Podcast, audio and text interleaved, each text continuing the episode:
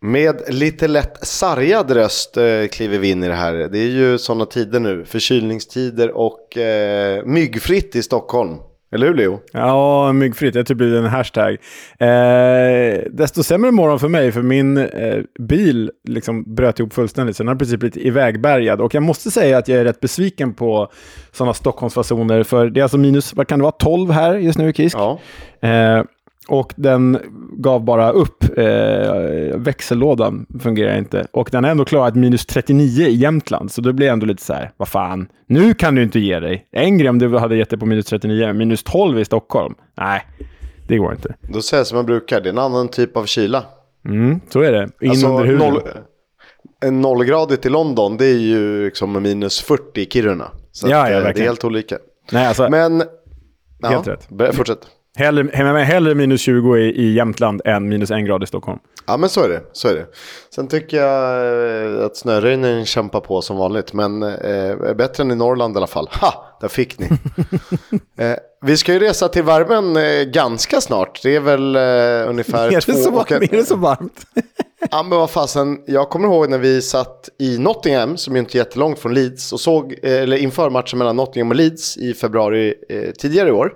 Eh, då satt vi nere vid kanalen, strålande sol. Vi tog av våra höstjackor. Eh, jag satt i, alltså i t-shirt och en overshirt. Så att eh, nog är det till Och värmen. det var dessutom i början av februari. Den här resan som vi kommer göra i vår är i slutet av februari. Men jag kommer ihåg det. Det så, var liksom... så det du säger att man, kan, eh, man ska ta med solkräm om man ska med? Precis. Nej, men eh, där vid River Trent var det faktiskt varmt och, och skönt. Det var liksom vår första vårdag det här året, så vi hoppas ju på något liknande med resan i vår. För det bär ju av till Ellen Roads, Le- Ellen Roads, Ellen Road, Leeds mot Leicester.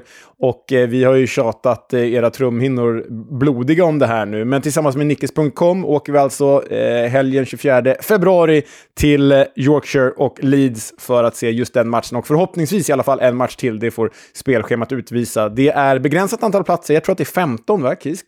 På resan eh, någonting sånt eh, är det totalt va? Eh, och de har ju, vi säger det i varje avsnitt, men de går ju åt för varje avsnitt. Så nu är det inte jättemånga platser kvar. Så hörni, gå in på våra sociala medier där vi länkar till den här resan och följ med, för det blir pubquiz och det blir liveinspelning av podd och det blir pubhäng och så blir det fotboll helt enkelt. Det blir mysigt.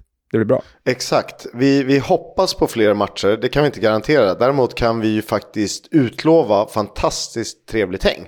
Ja, Eh, det, kan, det kommer ingen, inte ens ett spelschema eller ett världskrig kunna ta ifrån oss. alltså så länge ni undviker mig så kommer det vara trevligt i alla fall. Ja, du är väl ganska trevlig en stund. En stund, sen två pints in så blir det något annat. Sen börjar jag somna till. Nej, det här kommer att bli superroligt. Eh, Yorkshire var trevligt sist. Eh, det blir nog minst lika trevligt även eh, 2024. Så in på nickes.com och så eh, hakar ni på oss till Leeds.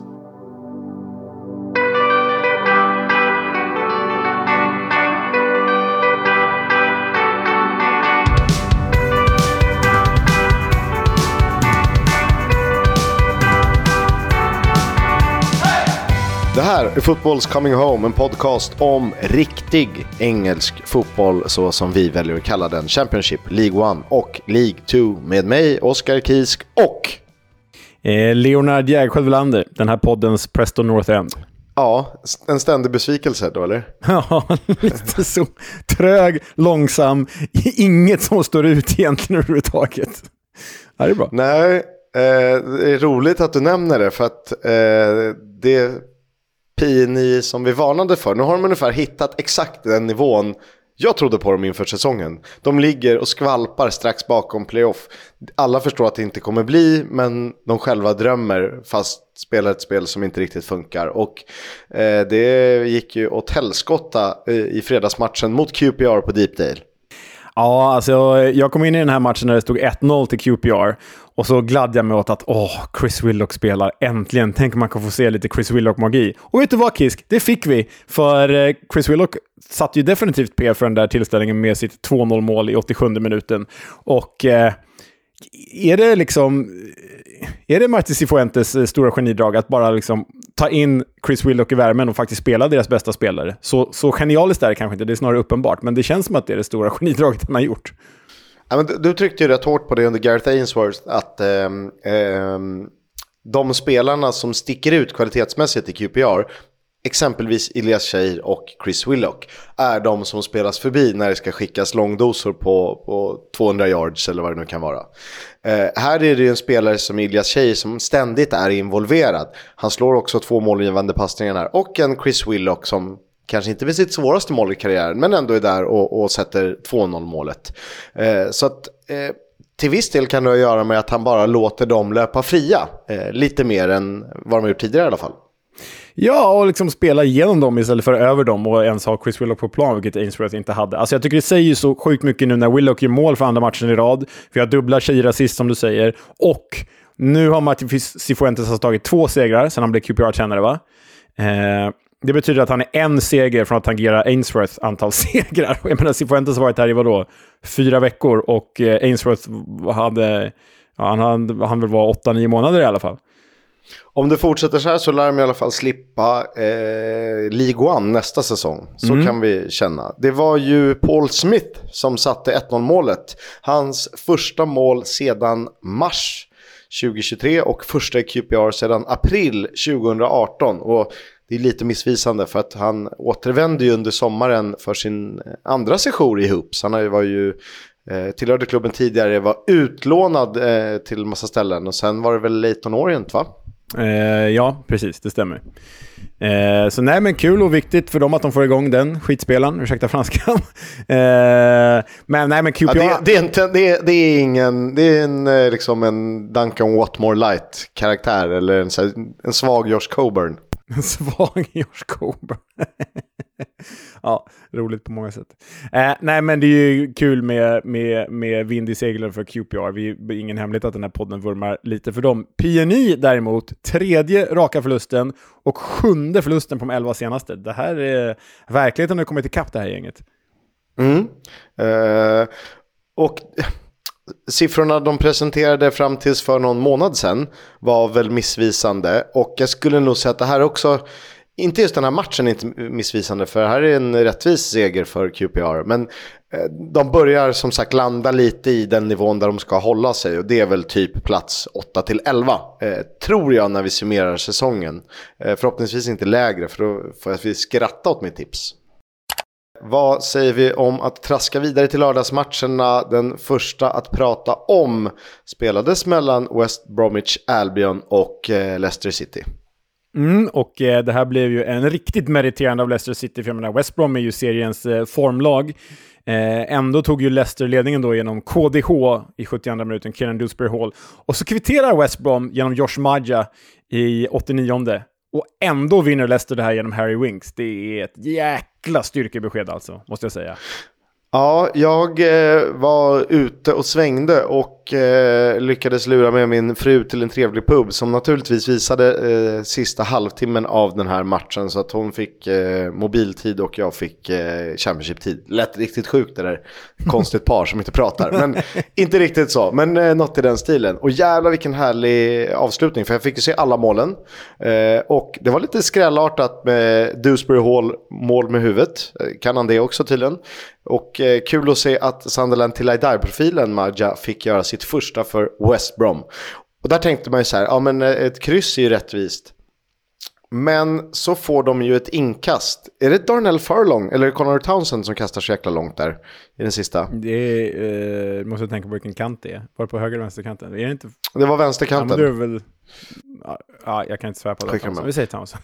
Ja, de ska skicka långt inkast och skickar upp typ mer eller mindre alla. Man tänker så här, ja, det, ni kan ju säkert göra mål här, men det hade räckt med att skicka upp fem sex personer. Eh, för om ni vinner den så vinner ni den då. Eh, men de lyckas ju schabbla till den och får ju inte tag i den och då är de ju så vansinnigt snabba. Så Kiernan Dewsbury Hall löper sig fri och sen spelar han fram Harry Winks. Eh, snudd på missar den men lyckas glidtackla in eh, 2-1 målet. Och det blir man ju glad för. Ja, alltså jag tycker så här.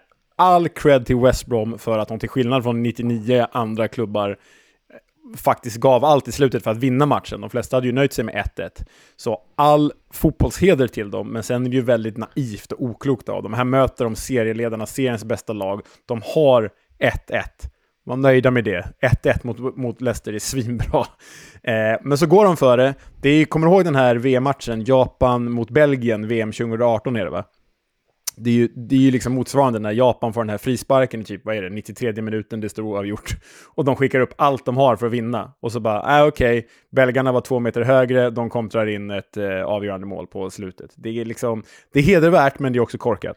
Ja, det känns väldigt olikt Corberan som ju ändå är lite cynisk i sin fotboll. Alltså det är väldigt mycket håller upp positioner, pressa rätt, eh, invänta, alltså så här, trötta ut motståndarna med, eh, genom att vara smartare. Och här gör han raka motsatsen. Och det är väl en styrka i sig, men eh, tydligen inte här. Eh, tyvärr för West Broms del. En sista detalj med den här matchen innan vi går vidare, det är ju att här blir man ju påmind om att Enzo Maresca, Leicesters italienska manager, han inledde ju sin proffskarriär som spelare i just West Bromwich Albion. Det är ju faktiskt rätt sjukt. Eh, innan Juventus typ köpte honom för 20-30 miljoner kronor en gång i tiden. Mm, det är som eh, att eh, Gattuso spelade i Rangers, typ. Ja, precis. Eller Marco Materazzi i Everton. Men West Brom, alltså, undrar om de var samtida. De hade ju alltså Enzo Maresca där då, och sen hade de Borja Valero. Det är också sjukt att de hade honom. Ja, men det måste varit senare. Vi körde ju en så här, kommer du ihåg eh, att han var där, eh, tråd i, i somras på, på Twitter, eller X heter det numera. Vi går vidare till ett eh, hamderby i 00-siffrornas eh, tecken med Nathan Jones på plats. Ja, men Nathan Jones på plats för att bevittna, kan det vara Championship-säsongens eh, hittills absolut tråkigaste och mest intresserande match. Birmingham 0, Rotherham 0, Victor Johansson får hålla nollan, kul. Eh, Rotherham med poäng, kul.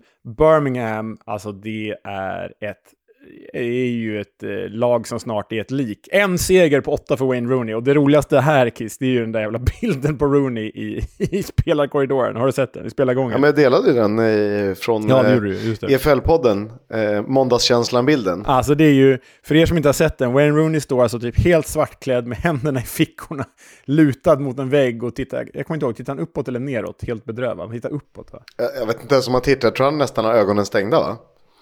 Ja, men det är så här utandnings... För er som har sett Ben Affleck-memen när han är helt supersliten och står med en jävla cigg och bara andas ut. Det är ju liksom Wayne Rooneys... Det här är Wayne Rooneys variant på Ben Affleck-memen. Det ser verkligen ut som att han bara vill därifrån. Det, eh, man skulle ju kunna göra väldigt, väldigt mycket på den här. Det är lite som du vet Pablo Escobar, eller från Narcos, den som alltid dyker upp eh, när folk väntar på saker och ting. Eh, den här skulle ju kunna få fötter och så byter man ut bakgrunden till roli olika roliga ställen. Eh, det kanske är vi som ska göra dem. Ja, ja men eh, verkligen.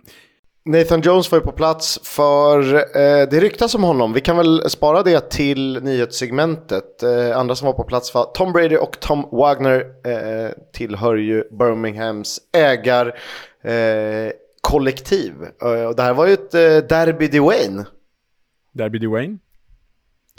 Wayne Rooney mot Wayne Carlisle. Carlisle som är caretaker för Rotherham. Ja, den, var, den såg jag inte komma. Nej, bra. Nej. Inklämd. Det är, väl det, det är väl det som är med våra derbyn. Det är bara vi som har koll på dem. Och så inte ens du har koll på dem. Nej, precis. Um, det här var för övrigt Rotherhams blott andra poäng på bortaplan. Så alla poäng är viktiga där nere ju. Eh, som sagt, du nämnde nollan för Victor Johansson. Det är väl det enda roliga att ta med sig. Förutom det andra. Hull Watford 2 och eh, det avgjordes med en kanon av en eh, försvarare som vi nog får prata mer om idag. Ja, vi ska ju ranka eh, de tio bästa mittbackarna i serien och eh, vad passar inte då bättre än att nederländaren Wesley Hött eh, gjorde mål från halva planen för Watford borta mot Hull och därmed avgjorde med 2-1. Vann boll på mittplan, såg att eh, keepern Ryan Alsop var långt ute och då körde han den bara. Eh, uttalade sig ju på presskonferensen efteråt att han visste att Alsop ofta stod långt ut från linjen, men det ska ändå mycket till för att en vänsterfotad mittback ska sätta den där också, så det är ju faktiskt jävla bra mål, tycker jag. Men Kisk, förra veckan, då hängde jag Ryan Alsop. Nu är det dags igen. Det här är nya hatobjektet bland målvakterna. Eller som sagt, inte hat, han är nya sopan det bara. Det här är inget bra. Jag, jag tänkte säga så här, är Ryan Alsop eh, Joe Lumley 2.0? Ja, lite så. Det känns som han gör den typen av lite så här halvtavlor. Eh, som du eh, ogillar, eller som alla ogillar, men som du särskilt går igång på. Ja, men man ska ju ha en pålitlig målvakt, det får inte vara för fladdrigt. Jag menar, nu har Alsop följt oss genom Derby, Cardiff och Hull. Och det sjuka är att han lyck lyckas byta upp sig, för han har, gjort, han har stått i skuggan av Lumleys misstag, absolut, men han har ändå varit ganska opålitlig de här åren. Eh, och i Derby, jag menar, de hade ju inget annat, vad skulle de göra? Men, men alltså att både Cardiff och framförallt Hull nu har gått för Ryan Alsop, det, ah, Mm, nej, det är en ny eh, måltavla av mina dartpilar här. Eh, så är det ju. Ken Sema startade den här matchen i en tillställning där faktiskt Hall hade klart fler chanser. Och han du byta in Jaden Philogene Bides i ditt gaffer? Det är klart jag gjorde, så bränner han straff. Helvete. ja, jag ska inte skratta så mycket. Jag, är liksom jag tog ändå 100 poäng miljoner. den här omgången. Utan någon bonus. Det är bra. Ja. Det är bra. Jag hade strax eh, under där gjort några byten till eh, helgen. Eh, du vet ju den absolut cringeaste av cringea ramsor kommer från Hall när de säger “You're getting mauled by the Tigers” och så gör de någon sån här kattklo, liksom klösande gester till. Det är ju det som gör det cringe. Själva ramsan är det inget fel på tycker jag, men det är de här jävla gesterna som är... Uh. Ja, ja eh, hela grejen är det. Men eh, den har ju fått sig en eh, motsvarighet från Watford när de besegrar Hall borta.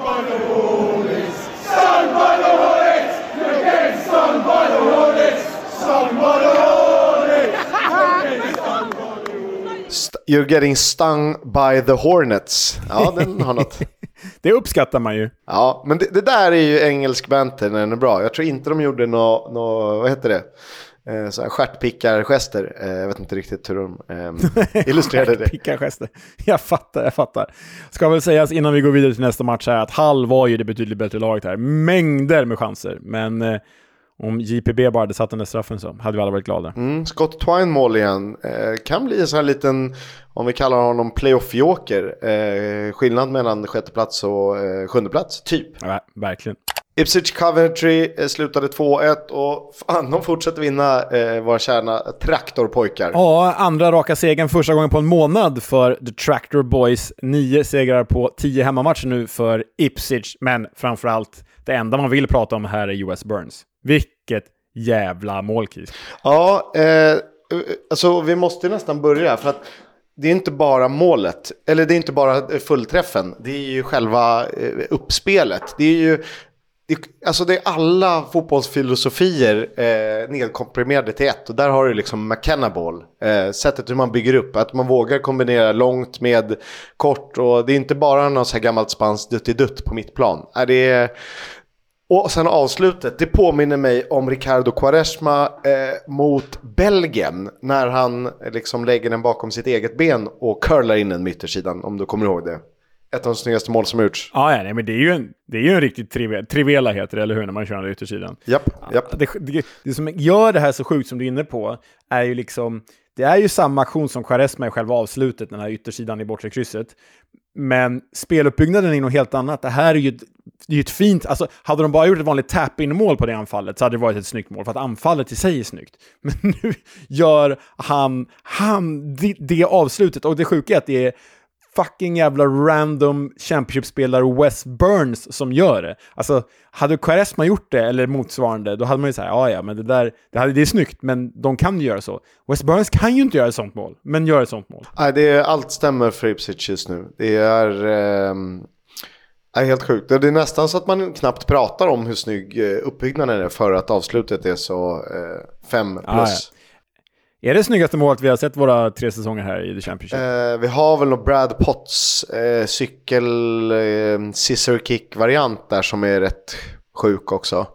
Eh, kommer inte ihåg vad vi mer har. Sen har vi väl någon, vi hade väl någon lobb från mitt plan. Är det, Ismail Azar förra året. Ja, exakt. Men det var ju... Jag gillar inte de där halvplansmålen riktigt. Jag tycker de överskattas. I, alltså jag gillar dem ju, men sjukt för övrigt att Ismail Azar gjorde det för Watford förra året och Wesley Hott gjorde det för Watford nu.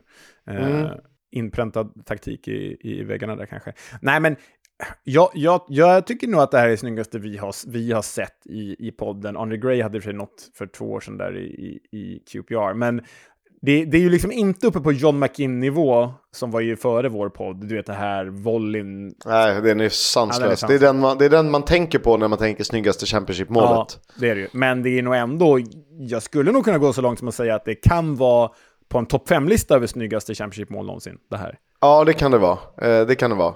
Ja, det är läckert. Och det är inte, de gör det inte heller mot ett eh, Wednesday fritt fall. Utan det är ett Coventry som förvisso inte plockar så mycket poäng. Men som ändå har sett rätt bra ut mot slutet. Men eh, här hade de det tufft. Matty Godden eh, hoppade in. Du, har du honom i ditt eh, gaffer också eller? Nej, det har jag tack och lov inte. Han brände ju också straff. Mm, exakt. Eh, men nu är det lite tuffare tider för Ipswich sett till spelschema. Ja, de har alltså Middlesbrough borta. Visserligen Middlesbrough som kommer sakna tio spelare till den matchen på grund av skador om jag räknar rätt, vilket är helt sjukt. Men Middlesbrough borta, Watford borta, och sen Norwich, Leeds och Leicester. Det är tuffa matcher. Det är in i mellandagarna det där. Det där är... mm, Ja, det, är det som skiljer agnarna från vetet. Här kan vi väl konstatera huruvida de ska vara eh, två eller inte eh, efter det. Ja, Två av de lagen du nämnde drabbade samman i helgen var Leeds och Middlesbrough. Det var en målrik eh, batalj, en riktig resa. Ja, för det blev ju 3-2 till Ellen Road-gänget och eh, det var ju alltså tre mål på sju minuter. Middlesbrough 1-0, Emmanuel Latelath i tredje minuten, Daniel James kvitterade i femte, Crescencio Somerville 2-1 i sjunde minuten och det var ju Somervilles tolfte poäng på tio senaste matcherna. Ja, han är fan i sanslös form. Men hela deras offensiv med James, Somerville, Pirou och Rutter är ju... eh, Det är ju fusk. Ehm, Och så byter de in eh, eh, Willy Nonto i typ 60 minuten och Jaden Anthony i typ 87 minuten. Det är en helt sjuk, helt sjuk uppsättning. Det är ju faktiskt en Premier League-uppsättning. Undra halvan Premier League-uppsättningar. Ja men det är det, det är det absolut. Coachas den rätt så är det definitivt ett lag som klarar sig kvar i Premier League, en offensiv. Och den här offensiven Ja. är ju, det är lite som när Mitrovic och Wilson spelade för Fulham. De är lite för bra, det,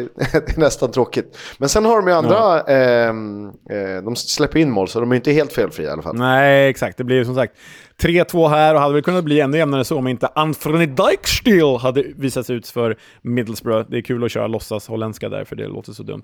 Eh, men Leeds på hemmaplan alltså, sju raka segrar nu på Ellen Road. Jag hoppas vi håller i sig hela vägen till fe- februari där. Det gör vi definitivt. Alltså jag, eh, när jag såg eh, höjdpunkterna och såg målfirandena, eh, både 1-1 och 2-1. Känslan kring Leeds är jävligt fräsig just nu. Jag tror att eh, om de bara fortsätter eh, hålla sig på hyfsat den här nivån så tror jag det kan vara en jävligt rolig resa. Lite som när vi såg Wednesday. Eh, när liksom så här, allt är på väg upp. Eh, det finns inga motstånd nu. Så här, förlorar vi, ja, men då vinner vi nästa. Och den känslan de tar med sig. För de kommer ju jaga Ipswich och Leicester hela säsongen. Förmodligen. Ah, ja, ah, ja. så. Så att det kan nog bli riktigt roligt. Eh, hoppas att Leeds vinner. Skulle du kunna eh, ta till dig den? Du har ju ungefär 32,5 favoritlag i, i Storbritannien. Skulle du kunna ta till dig Leeds som ett av Ja, men grejen är att jag har ju en Leeds-tröja som är gammal nu. Den har nog 20 år på nacken.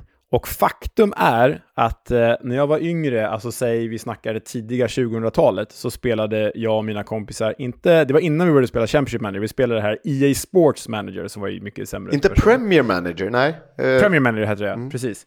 Och eh, jag höll ju då egentligen på Chelsea, och det här var ju före Abramovic, men jag höll ju på, du vet, Gianfranco Sola, Jimmy Fred Hasselbank, det är Chelsea. Eh, men de var så dåliga på det där spelet och jag var ju liten så jag ville inte ta något dåligt lag medan mina kompisar tog Liverpool som var jättebra på det spelet och de tog Arsenal som var jättebra på det spelet och de tog Newcastle som sjukt nog var jättebra på det spelet. Så jag kände att jag kan inte vara Chelsea för jag kommer hamna så långt efter. Så då tog jag, inspirerad av Leeds i Champions League, de gick ut till semifinal, så tog jag Leeds. Så jag har ändå en relation till Leeds genom att jag körde dem jävligt länge på det där spelet i alla fall, back in the day. Ja, men, eh, eh, om man gillar engelsk fotboll så har man en relation till det Leeds som ju på sin tid var jävligt intressanta. Med Viduka, QL, Smith. Jag gillade Alan Smith som fan. Eh, hade varit en ganska fin spelare i Tottenham tror jag.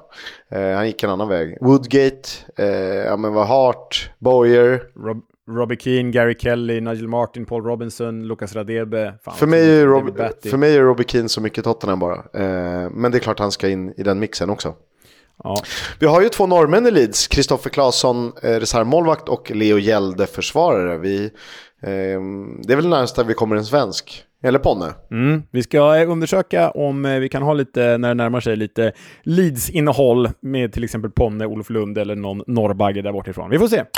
Vi ska vidare till The Den och Millwall Sunderland som eh, blev en tuff historia. Ja, en, eh, det? ett pyrruskryss. vad kallar vi det här? ja, nej för fan, jag vet inte. Millwall behöver ju vinna, det ser ju fortfarande inte jättefantastiskt ut, även om Kevin Nisbet har vaknat till liv. Eh, gjort lite mål nu, den skotska anfallaren. Men Jack Clark kunde ju kvittera här för Sunderland. Men det betyder ju faktiskt, det ska vi prata mer om i nyhetssegmentet, men det betyder att det här blev Tony Mowbrays sista match för Sunderland. Och eh, som sagt, det analyserar vi snart. Ja, men vi tar det i nyhetssegmentet. 1-1 Millwall Sunderland alltså. Eh, Jack Clark, mål nummer 10 för säsongen. Mm. Ska vi lämna den matchen där eller? Kanske inte? Vi lämnar, vi lämnar The Shed. Fram tills de vinner på hemmaplan igen kommer jag säga The Shed. eh, det är väl en, eh, en av läktarna på eh, Stamford Bridge va? Ja, det kan vara. The Shed igen, just det. Härligt. Plymouth Stoke slutade 2-1. Eh, Therese Campbell gav gästerna Potters ledningen. Sen vändes det på steken och sent om sidor. Eh, Mustafa Bundo gjorde 1-1 och Adam Randall avgjorde matchen i 97 i sin 100 match för Plymouth Argyle. Och det var fan limbs på det här klippet alltså. D där på kortsidan som han gör målet framför. Det är jävligt härliga bilder när Randall avgör det där. Ehm, skönt med lite Plymouth. De har ändå gått ganska knackigt, men skönt att de ändå tar poäng här på hemmaplan. Ehm, på Home Park heter det va. Men Stoke, jag varnade ju för dem. Jag varnade för Kisken för säsongen. Jag varnade för att det här skulle bli säsongens flopp. Nu har de alltså tre raka förluster, fem raka utan seger och bara två platser ovanför strecket. Det är fem pinnar ner. Det kan gå jävligt fort det där. Med tanke på att QPR och Huddersfield tar massa poäng nu. Exakt, och Huddersfield har ju liksom bitit sig in i sina matcher och QPR kommer ju lyfta eh, av allt att döma. Och då är ju Stoke där. Och då är också, om vi ska nämna Millwall där, bara en poäng före Stoke till exempel. Eh, de ser ju oroväckande svaga ut just nu. Så att... Eh, alltså så här, ja vi önskar ju egentligen ingen klubb olycka och nedflyttning, egentligen. Men man kanske hamnar i situationer där man behöver välja. Men så, så, jag vill ju liksom inte att Stoke, Millwall eller Birmingham, som jag också är lite orolig för, ska hamna där nere. Men för liksom spänningens skull så hoppas man ju att fler blir indragna i bottenstriden den här säsongen än de två föregående. För det har ju varit ganska tama bottenstrider till slut, de bägge föregående åren. Det vore ju kul om det handlade om fem, sex, sju klubbar. Ja men det är också så här, vi har ju följt den här serien i tre års tid och de som är kvar har ju i mångt och mycket varit med hela vägen på ett eller annat sätt. Och därför har du skapat dig något slags känsloband till dem. Det behöver inte betyda att du älskar Huddersfield, men det är så här, de behöver inte åka ur. Stoke då? Nej, de är för bra. Millwall? Nej, absolut inte. Ska vi stänga serien bara? och, och bara flytta upp roliga lag. Vi, vi, vi, får handplocka en egen serie och eh, skicka ur Premier League kan också vara där uppe med sina eh, jättepengar. Eh, så kan vi hålla på och härja en stängd serie. Vet du, här har vi ett specialavsnitt eh, framöver. Vi ska göra vår egen ja, handplockade japp, japp, The japp, Championship ja, och motivera ja, varför. Kul. Eh, oh, fasen var roligt. Mm. Oj, det ser jag fram emot. Nästan är sugen bara plocka ut lite gäng nu. Ja, ja men fan. Eh, men typ så här, Sunderland vill man ju ha här, men de är ju för stora egentligen. De borde vara en Premier League-klubb. Lite så där får man tänka också. Ja, och det är lite så här, Newcastle, eh, backabandet, ja, ett decennium eller mer. Då var de ju lite sådär jojo-gäng fram och tillbaka. Mm. Eh, kan man få ett Sunderland Newcastle? Ja, det här måste vi göra. Jag kommer tänka derby, derbyfokus. 2-1 slutaren. Det är glädjande för Stoke att Lewis Baker är tillbaka i spel igen. Han opererade sig under sommaren. Det kan ju bli en liten nyckel eh, för dem att eh, klättra i tabellen, tror jag. Instämmer. Älskar Lewis Baker.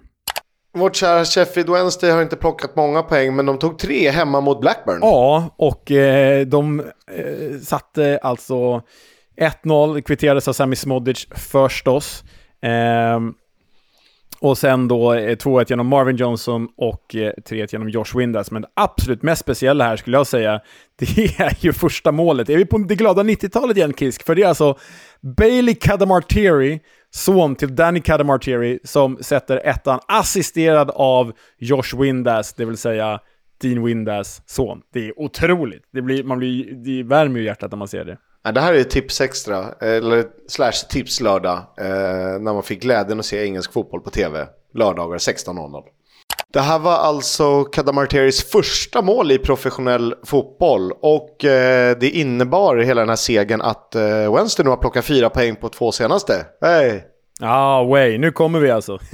ja, men det är faktiskt, visst, det ser hopplöst ut, men spelet har vi varit inne på är bättre under Danny Röhl. De har eh, fyra poäng nu på de två senaste.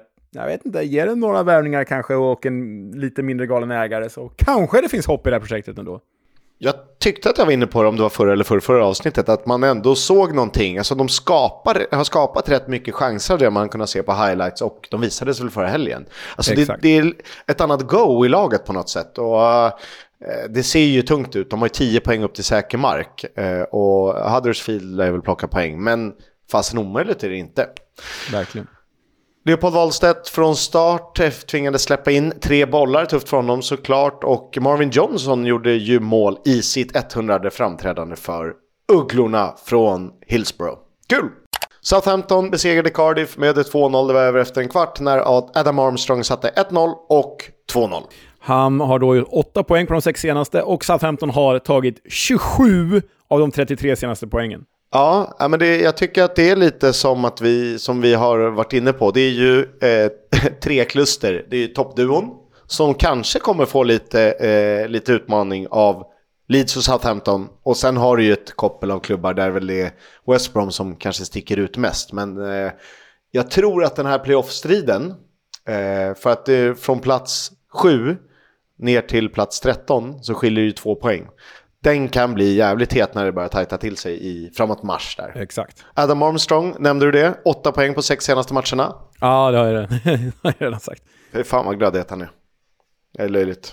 Ja, eh, nej, nej. Han, han blir väl skytteligavinnaren till slut, om man inte går någonstans i januari. Nej, så kan det vara. Eh, det är väl andra gången va? Han vann väl skytteligan året innan vi började med podden. För Blackburn, ja. Precis. Exakt, exakt.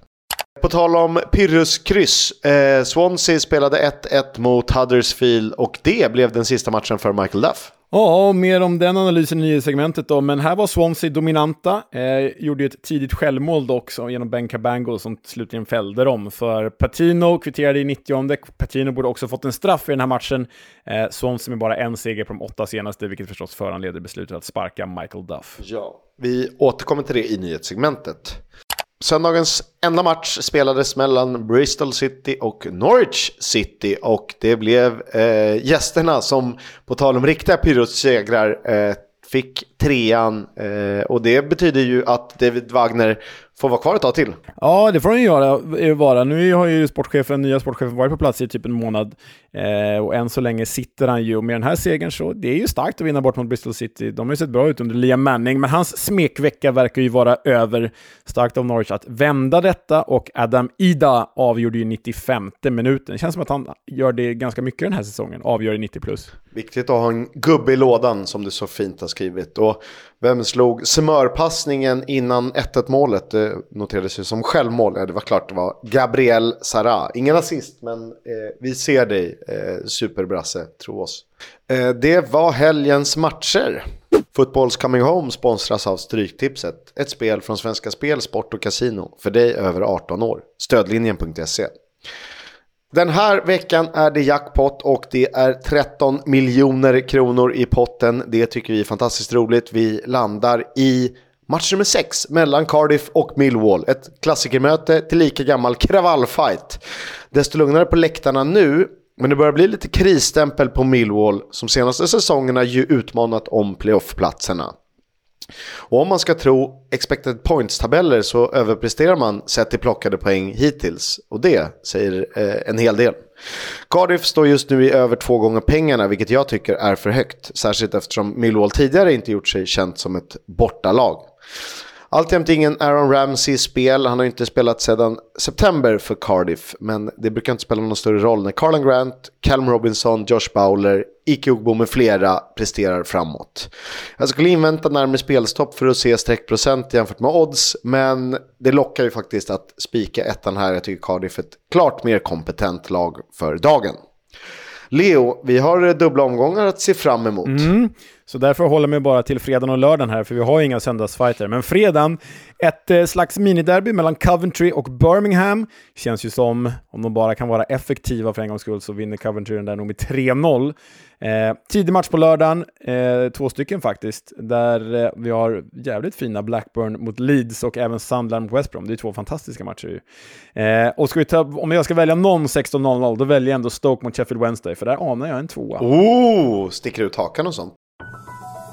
Som sagt, Michael Duff har fått sparken från Swansea City. Kommentar Leo? Ja, det känns olikt Swansea ändå måste jag säga. Alltså, om man gick bakåt på, jag vet inte hur många tränare det var, nu, jag tror att det var de åtta senaste tränarna i Swansea, så har de antingen lämnat för att de har varit överens, alltså har varit, både klubben och tränaren varit överens om att säga upp kontraktet, en mutual agreement, eller så har tränaren plockats av en större klubb, likt eh, eh, Russell Martin, likt eh, Graham Potter, likt, eh, vad heter han i, i eh, han vi för lämnade gemensamt, men jag tänker på han i Nottingham Forest nu, Steve Cooper. Steve Cooper. Ja.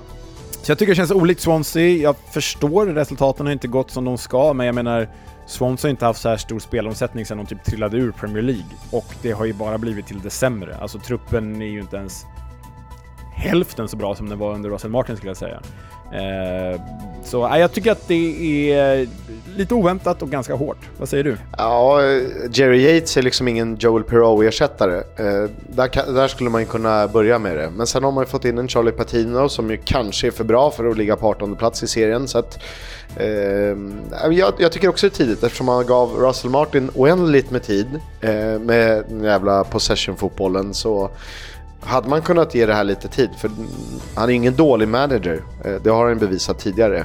Och jag tror att det, äh, det känns spännande, så det, det, det, kommer nog gå bra för honom på sikt. Men eh, här funkar det inte riktigt. Det är ju rätt roligt, det är rätt många eh, som letar managers. För Michael Duff var inte den enda som fick sparken i helgen. Nej, Tony Mowbray, vi var inne på det, sparkades också. Eh, det snackades om det redan i somras faktiskt, så det känns ju som att de liksom varit ute efter någonting ett tag.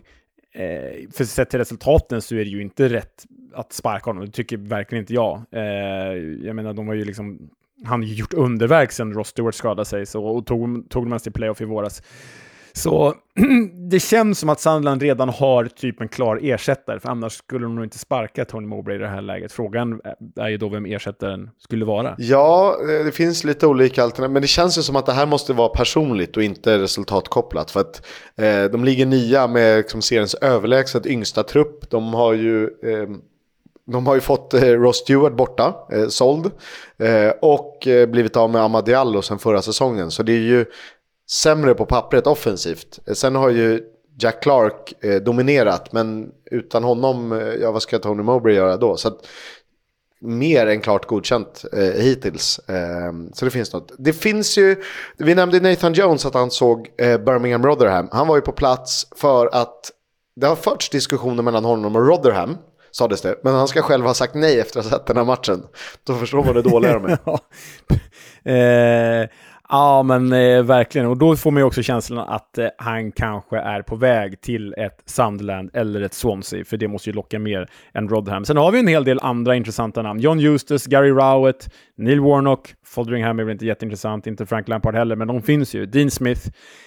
Um, Ja, om du får välja. Om du får välja en till Swansea, en till Rotherham, en till Sunderland. Vilka säger du då? Alltså jag vill ha in Neil Warnock till Rotherham, men det är för tidigt. Eh, alltså eh, de tre som är hetast, nu tog jag bara namn som har liksom tränat i Championship och Premier League som känns aktuella. Eh, alltså inte någon jävla Steve Bruce eller Big Sam-karaktär. Fecking Bottom eh, skulle kunna vara någonting också. Eh, blivit Ja, Men Eustace Rowett och eh, Nathan Jones är väl de man vill slänga in i den här lilla brasan. Eh, och frågan om man ska ha Gary Rowett till Swansea. Om man ska ha John Eustace till Rotherham och Nathan Jones till Sunderland. Vad tror du om det? Risk att det är lite för stort uppdrag för eh, Nathan Jones, men eh, det får han väl eh, motbevisa oss i alla fall. Spännande lär det bli. Och apropå tränarcirkus så har ju Chris Wilder fått tillbaka sitt gamla jobb i Sheffield United i och med att Fecking Bottom fick sparken därifrån nu. Så. Flera Premier League-klubbar jagar Sam Greenwood som ju är på lån i Middlesbrough från Leeds. Bland de klubbarna nämns West Ham, Fulham och Crystal Palace. London-trion alltså. Mm. Eh, det vore ju kul om han skulle gå till Fulham och bli en Fulham Legend. Vet inte tusan om han har kapacitet att bli det, men eh, han har ju gått bra den här hösten i alla fall. Och eh, sen har vi då en försvarare som du och jag såg på plats i våras Kisk. Eh, du vet när vi hade myst vid River Trent där i våra vårjackor. Nämligen så att Joe Worrell, som nyligen förlängt med Nottingham Forest till 2026, inte längre verkar vara önskad i fina Forest och eh, därför ryktas nu till The Championship. Bland annat vill Michael Carrick ha honom till Middlesbrough. Du vet att vi stod utanför ett sånt där stånd som säljer souvenirer och merch. Eh, Ja. Och eh, jag skulle välja en pin från Forest. Jag tyckte de hade lite sköna med eh, spelarnas tröjor och namn på ryggen. Då valde jag World 4. Så att jag har en eh, Joe World-pin. Fett. One of their own. Exakt. Sunderland och Newcastle kommer att drabba samman i FA-cupens tredje omgång i början av januari. Och det här är väl första gången klubbarna möts sedan 2016. Då slutade matchen 1-1 och jag undrar, vilka gjorde målen? Jag kan väl säga att det är två favoriter. Två favoriter? Ja. Alltså våra favoriter? Ja. Alltså, så här. Sunderland Newcastle är ju väldigt mycket... Min första tanke du säger 2006, 16, det är liksom Paolo Di Canio-derbyna där typ Fabio Borini gör mål. Men grejen är att då jobbade jag fortfarande på Viaplay, så det kan senast ha varit 2014. Det var 2015 vann de med 3-0 Sunderland på hemmaplan. Det är väl då Di Canio gör sina grejer. Alltså, jag skulle tippa, eftersom att du säger favoriter och eftersom att jag älskar Steven Fletcher, så säger jag att det är Steven Fletcher som är mål för Sunderland. Eh, en favorit för New, i Newcastle, har vi sådana? Eller en favorit för oss som spelade i Newcastle då. Ja, jag vet inte, man älskar ju Coloccini, så jag säger... Eh, nej, jag säger Steven Fletcher, Johan Kabaj, säger jag. Eh, favoriter absolut. Johan Kabaj spelade inte den här matchen. Det gjorde inte heller eh, Steven Fletcher. Men fan! på topp för respektive lag, Alexander Mitrovic i Newcastle och Jermaine Defoe i Sunderland. ah, den är ja, det är bra, det är bra. Och nu, det här jag inte skrivit in i körschemat, men vet du, jag kom på vi ska med i nyheterna. Berätta. Phil Jagielka har ju lagt av karriären, skorna på hyllan. Oh, han var väl äldst i Championship förra säsongen. Ja, och typ en av de första spelarna vi hade i vår första säsong i liksom eh, Vem där eller vad det hette, när vi skulle gissa vem, vilken spelare det var bakom ledtrådarna. Just det. Eh, vi- visste du för övrigt att klubbarna har 53 segrar var i Tyne Wear-derbyt? Eh, Sunderland Newcastle? Nej, det visste jag inte. Mm. Det är rätt Ja, fett. det vill man ju uppleva. Jag har ju gått från att vara Newcastle-positiv i det derbyt till att verkligen svänga om och, och hålla på Sunderland, måste jag säga. Eh, Jag tror till och med att Noah Bachner håller på Sunderland i det ja, derbyt. det skulle jag tro också faktiskt. Typ Alan Shearer också. Typ Alan Shearer också. Det har blivit dags. Vi fortsätter vår power ranking av eh, position för position. Vi har ju gjort managers, vi har gjort målvakter, vi har gjort ytterbackar. Det har blivit dags för oss att prata mittbackar och vi hade återigen skrämmande lika listor eh, med eh, bästa centrala försvararna i serien. Just nu och den här säsongen. Ja, det var ju så. Det är som vanligt att vi gör varsin lista och så eh, för vi ihop en gemensam ranking utifrån våra egna bidrag. Och eh, det landar ju alltid på mig att sammanställa de här, så jag kan ju fuska och göra så att det är mitt bidrag som, som gäller. Men det har jag inte gjort, inte den här gången i alla fall. Eh, och eh, vi hade nio av tio samma namn. Precis som ytterbackarna hade vi nio av tio samma, men inte alla på samma position. Definitivt inte. Men det innebär att den du hade som inte fanns med på min lista, det var Liam Lindsay i Preston North End. Honom hade du på sjätte plats.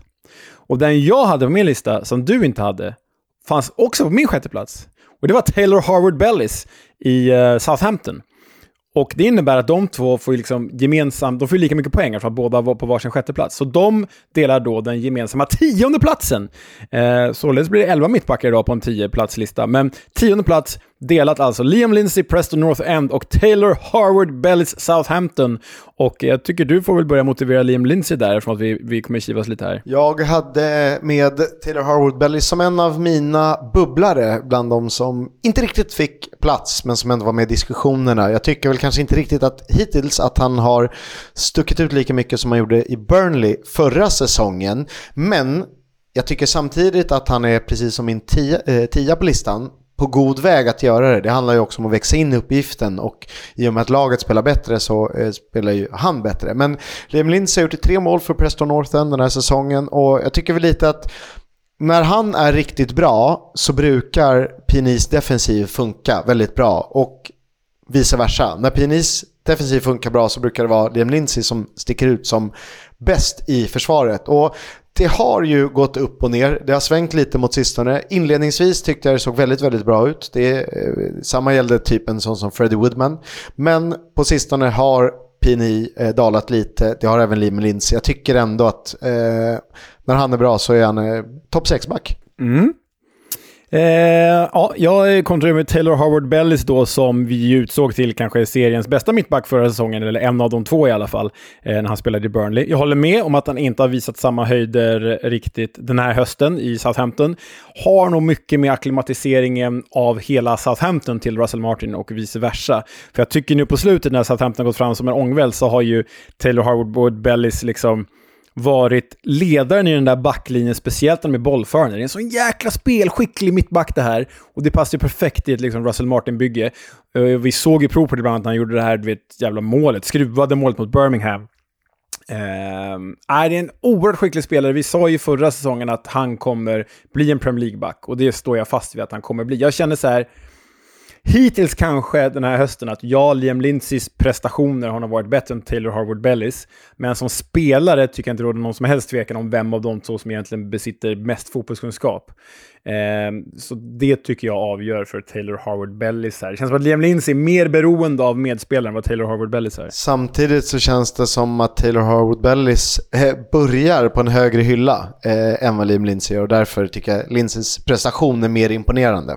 Men eh, ni får väl svara själva vem ni tycker ska ha tiondeplatsen. Vi går vidare till nian och det här är ju en spelare som öppnade faktiskt direkt svagt, som inte kunde anpassa sig från livet som tidigare Premier League-rotationsförsvarare till att vara given då i mittförsvaret i Leeds. Vi pratar om Joe Rodon, eh, den walesiske landslagsmannen. Men som på slutet är med några insatser i fokus varit fantastiskt bra och eh, verkligen lyft sig och lyft Leeds som försvar. Eh, jag tycker att han har varit eh, vissa matcher till och med enastående, så han är på nionde plats. Ja, jag tycker det är ganska värt. Jag tycker du är inne på något, jag tror att jag hade honom på min nionde plats också. Jag, jag tycker du är inne på eh, något helt rätt där med Joe Rodon, att precis som Taylor Harvard Bellis känns det som att det finns ännu mer att ta av här. Och jag blir inte förvånad mot slutet av säsongen om både Joe Rodon och Taylor Harvard Bellis återfinns på våra topp fem mittbackar, eller till och med årets lag faktiskt. Så kan det vara, och det här är ju lite som eh, några andra spelare på listan till exempel vår första plats. Det är en spelare som vi har bevisat har väldigt, väldigt stora kvaliteter och presterat på en hög, hög nivå. Och då tittar man på det med lite andra ögon än till exempel Liam Lindsey där jag inte tycker att vi kräver lika mycket, men ja, där finns en annan uppsida. Så har vi då åttonde platsen. Det är kanske den mest begränsade mittbacken av alla här. Eh, det är ett jävla bubblarnamn ändå, men han har varit fenomenalt bra i ett ganska dassigt lag. Och det är Michal Helik, polska mittbacken i Huddersfield som gick dit från Barnsley, om jag inte missminner mig. Eh, han har ju faktiskt gjort fem mål. Det är svårt att ta in Kisk. Fem mål. Ja, det är ju, eh, det är ju eh, nästan en tredjedel av alla lagets mål. men han är ju en jäkla stor, stark pjäs. Alltså, om man, fördomar man har om öststatsmittbackar, det är ju vad Michael Helik visar upp. Liksom, stor, kantig, hård jävel som dessutom är bra på att nicka. Och han har ju blivit ledaren i detta Huddersfield-försvar och kanske till och med i hela Huddersfield-defensiven när Lee Nichols inte längre presterar lika bra i målet. Så jag tycker Michael Helik definitivt eh, ska ha sin kantiga Nuna med på sån här topp 10-lista. Uh, han var given också och det är väl klart att ibland blir det så att man stirrar sig blind på försvarare som gör mål. Men fasen gör man eh, typ 30% av ett lags mål eh, som mittback, då är det någonting som inte stämmer framåt. Då är Burgsorg för mycket Zeldaboss. Eh, men uh, han är offensivt den klart bästa mittbacken i det hänseendet och det är viktigt för ett lag som då ska nyttja fasta situationer. Så Helik var given även hos mig. Vi går vidare till en av två Leicester-försvarare, Woot Face, i Eh, City då alltså på sjunde plats. Eh, han är en Premier League-försvarare som gör skäl för namnet i Premier League, eller i Championship. Det här är en spelare jag personligen inte är så imponerad av. Han var ju direkt svag i många matcher eh, när Leicester åkte ur Premier League. Men här tycker jag att han gör precis det han ska. Han är så pass bra i seriens överlägset bästa försvar och det finns inte så mycket att säga. Det är tråkigt att ha med honom för att det måste man ju om man är så bra. Eh, men jag tycker också att han har växt in i det lite. Eh, och eh, Wout för är sju alltså. Ja, jag måste säga det att jag har ju Wout Fess på tredje plats i min eh, lista tycker det är ju en... Eh, jag älsk, dels älskar jag att han är en Sideshow Bob-karikatyr. Alltså han är, han är Sideshow Bob-förverkligad, om ni kommer, kommer ihåg honom från, från eh, Simpsons. Och så är jag ju liksom lätt förälskad honom sen tiden i Reims, där han var väldigt bra i ligan. Jag är ju fransk fotbollsvurmare om något, förutom PSG. Hatar PSG. Um, ehm, Tycker ju att han var en riktig supersopa i Premier League, men tycker också att han varit jävligt, jävligt bra den här hösten i Leicester. Så ehm, eh, bra att han är med på vår lista. Jag hade gärna haft honom högre upp. Då kommer vi till eh, en eh, mittback som det skrevs om här i veckan från våra kära lyssnare. Och det är ju då den ack så spännande Jacob Greaves i Hull City. Som eh, eh är en Tiger through and through. Mittback och vänsterback är ju väldigt mångsidig och framförallt extremt bollskicklig mittback, den är Jacob Greaves. One of their own och allt det där. Eh, har ju stabiliserat, blivit ledaren i ett tidigare uruselt försvar som nu stabiliserats under Liam Rosinier det senaste, ja, senaste kalenderåret. Och är ju så bollskicklig så att han gjorde ju en sån här riktig los. Var det, inte, det var förra, förra omgången va? Han bara tog bollen från eget straffområde och bara gick förbi sex spelare och så gjorde han nästan mål på Victor Johansson.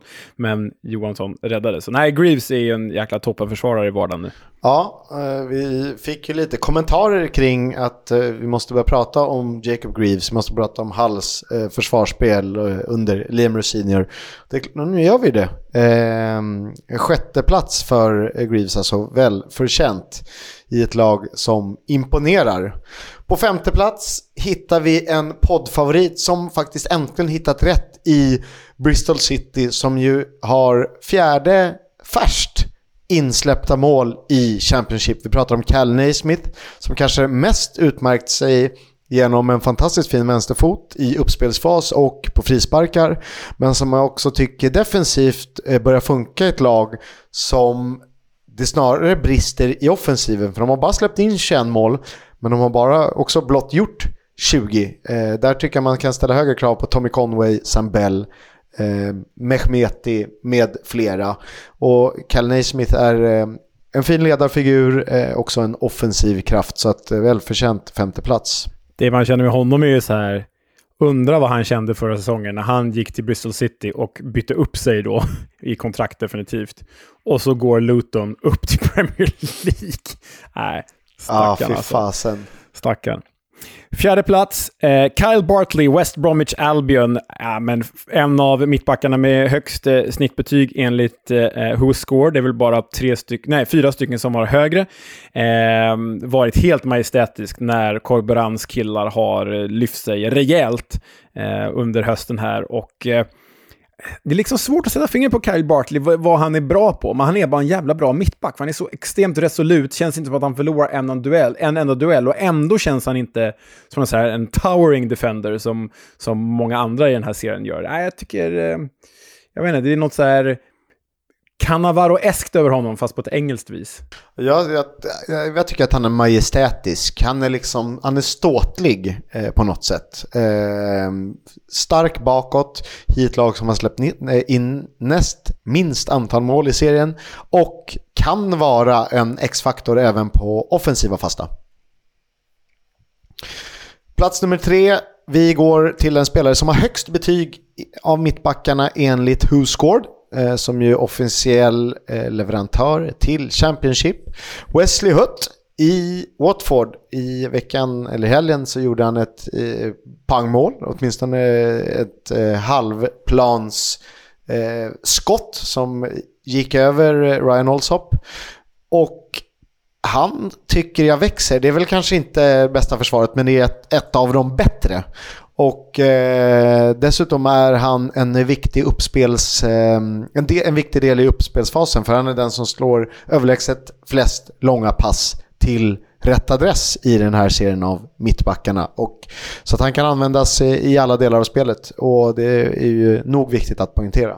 Ja, alltså jag vet inte varför jag har fått för mig att han är en riktigt oskön typ. Jag har för mig att någon sa det till oss i något poddsammanhang. Men skitsamma, han är ju ruskigt bra med vänsterfoten där och stor, stark, resolut jävel. Eh, jag tror att vi båda hade honom på typ... Jag hade honom som trea. Du hade honom som trea? Nej, jag som hade honom längre ner. Jag hade honom sjua. Ja, nej, men eh, superbra försvarare förstås och eh, gudarna ska veta att det har Watford behövt. Jag tror att det var hela förra säsongen vi satt och sågade deras bedrövliga försvar. Eh, så nej, det är bra att han har hittat formen där.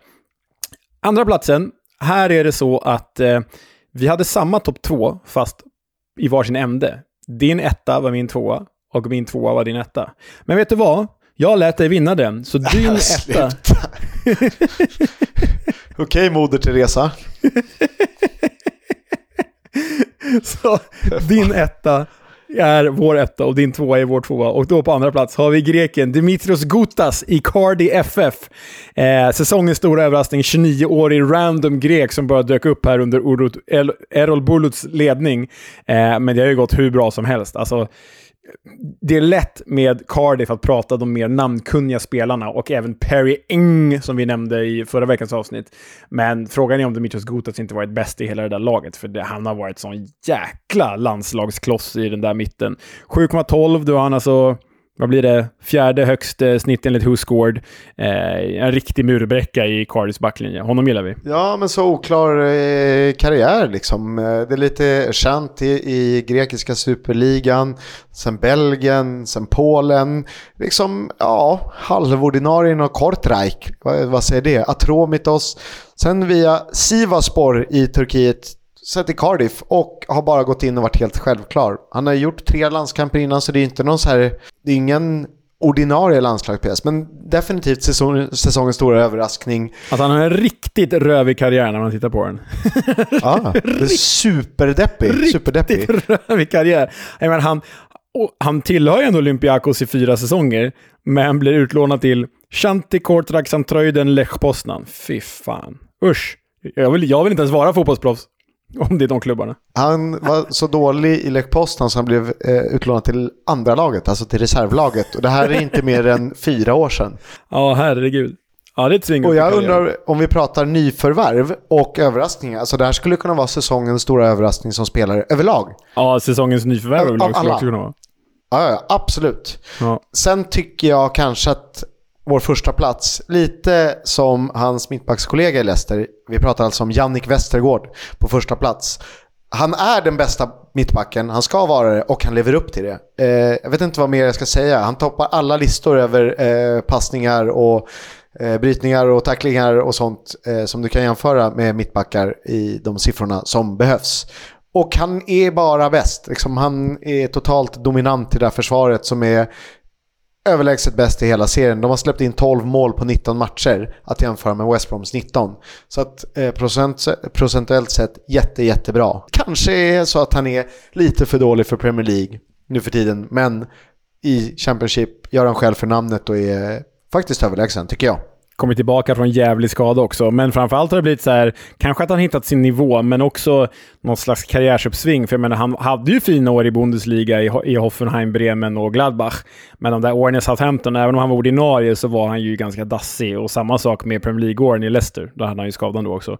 Så mm, förhoppningsvis har han hittat rätt i karriären igen, men det kan ju också vara som du är inne på, att det här bara helt enkelt är hans nivå. Sen kom han väl typ efter van Dijk, va? Eller i den vevan. Ja, och det ja, till Southampton. Ja. var ett lag som hade haft Fonte, Alderweireld, van Dijk. Eh, och det var ju ett lag på nedåtgående. Eh, Maja Yoshida.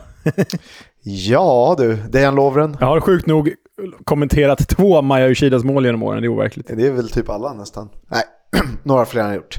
Där har ni hela listan. Vi tar den från toppen. Harwood Wellis och Liam Lindsay delar tiondeplatsen. Därefter Joe Rodon i Leeds på nionde plats. Åtta, Michael Helik i Huddersfield. Sjua, Woutface i Leicester. Plats nummer sex, Jacob Greaves i Hull. Cal Naismith i Bristol City är vår femma. Cal Bartley i West Brom på fjärde plats. Trea, Wesley Hutt i Watford. Två, Dimitrios Gotas, Cardiff. Och nummer ett, bästa mittbacken den här säsongen hittills har varit Jannik Westergaard i Leicester. Have a chat about the fucking game. About your game, last few months, last few weeks. Fucking character. Fuck! Det här är ju plockat från en eh, studiosändning med, eh, nu kommer jag inte ihåg vilka det är som har den, men det är väl eh, Sky Sports Super Sunday där Michael Richards får besök av Dynamo som väl är någon slags trollkarl eller eh, vad heter det? Ja, ja, men, ja, men precis. Alltså som Carl Einar Häckner fast eh, i England. Illusionist tänkte jag säga att det heter. Ja, Ja, och eh, Jamie Carragher sitter där så eh, pliktskyldigt och eh, tänder en, em, en papperslapp som sen blir till is i Mike Richards händer. Och Mike Richards är ju underbar och är alldeles fascinerad men Roy Keane tycker inte att det är mycket för världen och ja, det här är ju hans jobb. Jävla underbar reaktion. Ja, vi lyssnar. paper and a lighter. Just put your hands together like this for me. Perfect. Take the lighter. Yeah. I just want you to light it for me. I'm going to take the piece of paper. I'll take the paper and turn fire into ice. Oh my god. Oh my, what in the Game of Thrones is going on here?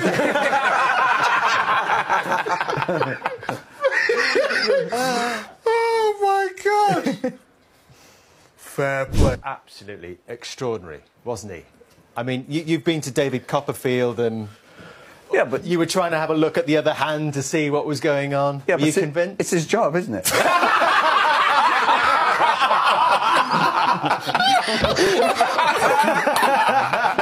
It was excellent. It was very, very good. Very good. I couldn't suss him out. only, only Roy. Ja du, Roy Keane. Nej, sånt jävla as. Det är precis vad han är. Fan, alltså när man tittar och kollar på det här klippet själv, man bara vad i helvete, hur är det möjligt? Och Roy Keane behandlar det som att han har fått en cheeseburgare på McDonalds liksom. Ja, han är en- svin. Ja, eh, speciell kan vi väl säga att han är. Jaha. Fan. Ja, ja, ja. Hörni, det var allt för idag. Nu ehm, blickar vi framåt mot eh, Leeds och lite annat gott. Snart jul och Boxing Day och Leos födelsedag eh, och sådana goda grejer. Men eh, tills dess, adjö. Du, jag måste bara lägga in en sak här innan vi slutar. Ja. Eh, på tal om mittbackskarriärer. Den där jävla risiga Dimitros Gutas-karriären.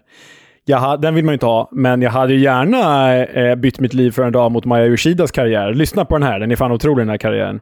Alltså det är perfekt nivå av klubbar och coola klubbar. Eh, vi tar det eh, från att han kommer till Europa då. VVV Venlo i Holland. Sen klev han upp till Southampton, är ordinarie där i typ 10 år. Sen Sampdoria, följt av Schalke 04 och nu LA Galaxy. Äh, det är ju en drömkarriär ju. Den bästa eh, karriären sett till klubbar och ens egen nivå, eh, den har väl Stefan Schwarz. Alltså Malmö FF, stor klubb i Sverige, inget att snacka om. Därefter Benfica, Arsenal, Fiorentina, Valencia, Sunderland. Han bockar av de tre stora ligorna i stora klubbar och balla städer. Ja, den. London, Florens, Valencia och dessutom får han bo i Lissabon ett tag också. Ja, och eh, får avsluta, Avsluta i Sunderland. i Premier League med bland, framför fanatiska fans. Faktiskt ungdomsproffs i Bayer Leverkusen också. Eh, ja, det är en jävla Det är karriär. bara Christian Wilhelmsson som kan utmana eh, den. För där har vi också en som har, han har väl dessutom alla topp 5-ligor Ja, faktiskt. och rätt roliga klubbar också. Ja, nu vet ni det. Tack för idag. Hej, hej! Oss till Leeds.